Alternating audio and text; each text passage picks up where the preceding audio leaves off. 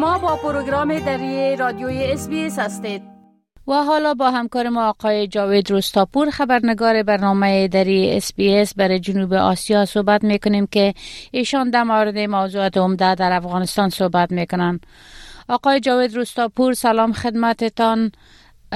خب در آغاز می‌خوایم بپرسم که یک مقام طالبا در مورد تصمیم حکومت پاکستان برای اخراج مهاجرین گفته که این یک مسئله داخلی خود پاکستان است. ولی واکنش های در این مورد هم وجود داشته. اگر در این مورد به شنانده های ما کم معلومات بتین با سلام وقت شما بخیر خانم تصمیم برای امان که شما اشاره کردین در حالی که تنها کمتر از چهار روز در پایان ضرب الحجر یدهای حکومت پاکستان برای اخراج پناهجویان غیر قانونی و شمول افغان ها باقی مانده. اظهارات یک مقام حکومت طالبان در مورد مهاجرین افغان در پاکستان واکنش را, را برانگیخته است. حافظ محیب الله شاکر سرپرست کنسولگری حکومت طالبان در پشاور در صحبت با تلویزیون جیونیوز پاکستان گفته است که در مورد تصمیم اخراج پناهجویان افغان از این کشور حکومت طالبان کدام اعتراضی ندارند و این مسئله مسئله داخلی پاکستان است. این اظهارات سبب شد که شماری از افغان به خصوص آگاهان امور کاربران شبکه های اجتماعی و همچنان مهاجرین افغان در پاکستان این اظهارات آقای شاکر را محکوم کرده و گفتند که چنین اظهاراتی می تواند نوی شانه خالی کردن و یا بیمسئولیتی را نشان دهد. آگاهان امور گفتند که مهاجرت و قانون بین در قبال مهاجرین قوانین خود را دارد و حکومت مقام های حکومت طالبان از این قوانین بیخبرند. و یا اینکه خود را به بیخبری می‌زنند. اما شماری از مهاجرین افغان هم در پاکستان که با خطر جدی روبروند در در واکنش به این اظهارات حکومت مقام این مقام حکومت طالبان گفتند که اونا در شرایط بسیار بدی به سر می‌برند و انتظارشان ای بوده که حداقل حکومت طالبان از اونا حمایت کند و از حکومت پاکستان بخواهد که زمان بیشتر را برای از اونا اختصاص بده تا اخراج نشن چون در وضعیت بسیار بدی هستند و اگر به افغانستان هم برگردانده شن طالبان هم توانایی این رو ندارند که برایشان جای بدهند و و یا ای که نان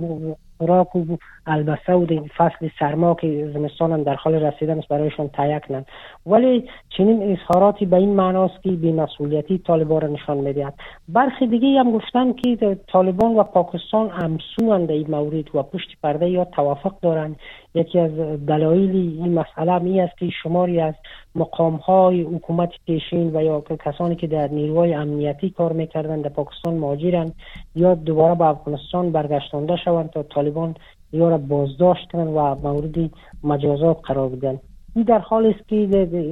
اعلام پاکستان مبنی بر اخراج مهاجرین از کشور واکنش های جهانی را برانگیخته به شمول حقوق بشر پاکستان این تصمیم پاکستان را محکوم کرده و از مقام های حکومت پاکستان خواستند که زمان بیشتر را برای مهاجرین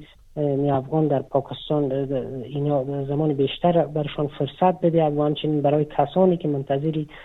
رفتن به کشور سیومی هستند یا اخراج نکنند. خوب جنبش زنای افغانستان از وضعیت زنا در افغانستان اظهار اظهار نگرانی کردند جزیات این اعتراضات چی است و این جنبش از جوامع جهانی چی می‌خواهند؟ بله جنبش خودجوش زنان معترض افغانستان با نگرانی از وضعیت حقوق بشر بخصوص زنان و دختران در افغانستان از سازمان های حقوق بشری خواستند که اقدام فوری و عملی انجام دهند اعضای جنبش با نشر قطعنامه در پیوند به بازداشت چند فعال حقوق زن از جمله ندا پروانی جولیا پارسی و منیجت صدیقی که از اعضای جنبش هستند گفتند که این سازمان ها نباید وضعیت حقوق بشر در افغانستان را فقط با اقدام و اظهار تاسف و با نشر چند توییت خلاصه کنند. در قطعنامه جنبش آمده که سازمان های حقوق بشری در طی دو سال گذشته و سازمان های و کشورهای غربی به ویژه آمریکا و اروپا در قبال نقص حقوق بشر و سرکوب زنان از سوی طالبان اینا سکوت اختیار کردن و حتی برخی از کشورها همسویی با طالبان نشان دادن. هرچند طالبان تا کنون خبری بازداشتی سه تن, از اعضای جنبش خودجوش زنان معترض افغانستان را تایید و رد نکردند. اما این جنبش اعضای جنبش تاکید کردند که طالبان با اقداماتشان علیه زنان افغانستان عملا ثابت کردند که به گفته آنها هیچ حد بشری و حقوقی را مد نظر نمی‌گیرند. این در حالی است که از سوی دیگر ائتلاف جنبش جنبش های زنان معترض افغانستان در پاکستان هم برای رهایی هرچه زودتری سه عضو جنبش خودجوش زنان معترض افغانستان صدا بلند کرده و گفتند که طالبان همه روزه مرتکب جنایت شده و قوانین بین را با زندانی کردن و کشتن مردم افغانستان زیر پا می‌کنند. از سوی دیگر یازده کشور عضو شورای امنیت سازمان ملل متحد نیز نقض حقوق بشری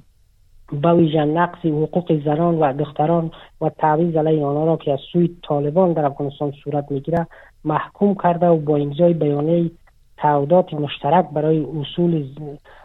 زنان صلح و امنیت صلح و امنیت شورای امنیت افزودند که عملکرد طالبان نقص آشکار حقوق بشر و تبعیض سیستماتیک جداسازی و محرومیت زنان و دختران در افغانستان است. بله تشکر. آقای روستاپور ریاست معرف طالبا در ولایت سرپل یک تعدادی از معلمین به خاطر نداشتن ریش هشدار دادن. عکس العمل معلمین و کارمندای معرف در این ولایت در مقابل این هشداری طالبان چی بود؟ بله کاربران شبکه های اجتماعی یک نامه ای را به شبکه های اجتماعی نشر کردن و این نامه دست به دست می‌شد که مسئولان اداره معارف طالبان در ولایت سریپول در شما در روند نظارت بر مکاتب اینا بیشتر سر و صورت معلمان در مکاتب را نظارت کردند که به این نامه 168 معلم به این دلیل که ریششان کوتاه بوده برایشان اشتار دادند که در صورت که ریش بلند نگذارند از کار اخراج خواهند شد.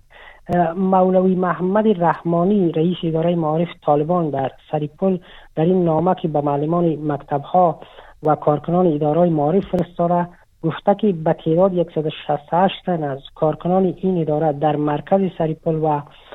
معلمان معلمان همچنان در اولسوالی این ولایت در جریان نظارت بر سر و صورت مسئولان به صفت یک مامور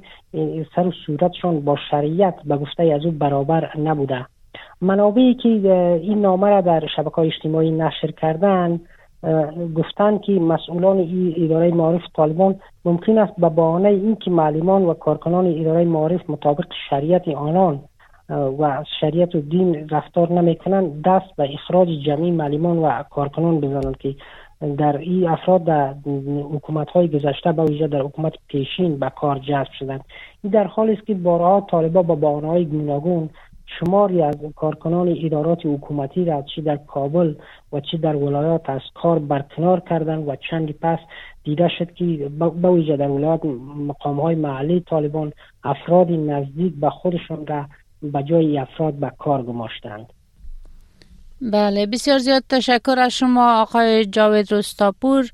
تا برنامه آینده که بازم با شما تماس می‌گیریم شما را به خداوند سپرده و روز خوش برتان می‌خواهیم وقت شما هم خوش خدا حافظ و ناصرتان. بپسندید شریک سازید و نظر دهید. اسپیس دری را در فیسبوک تعقیب کنید.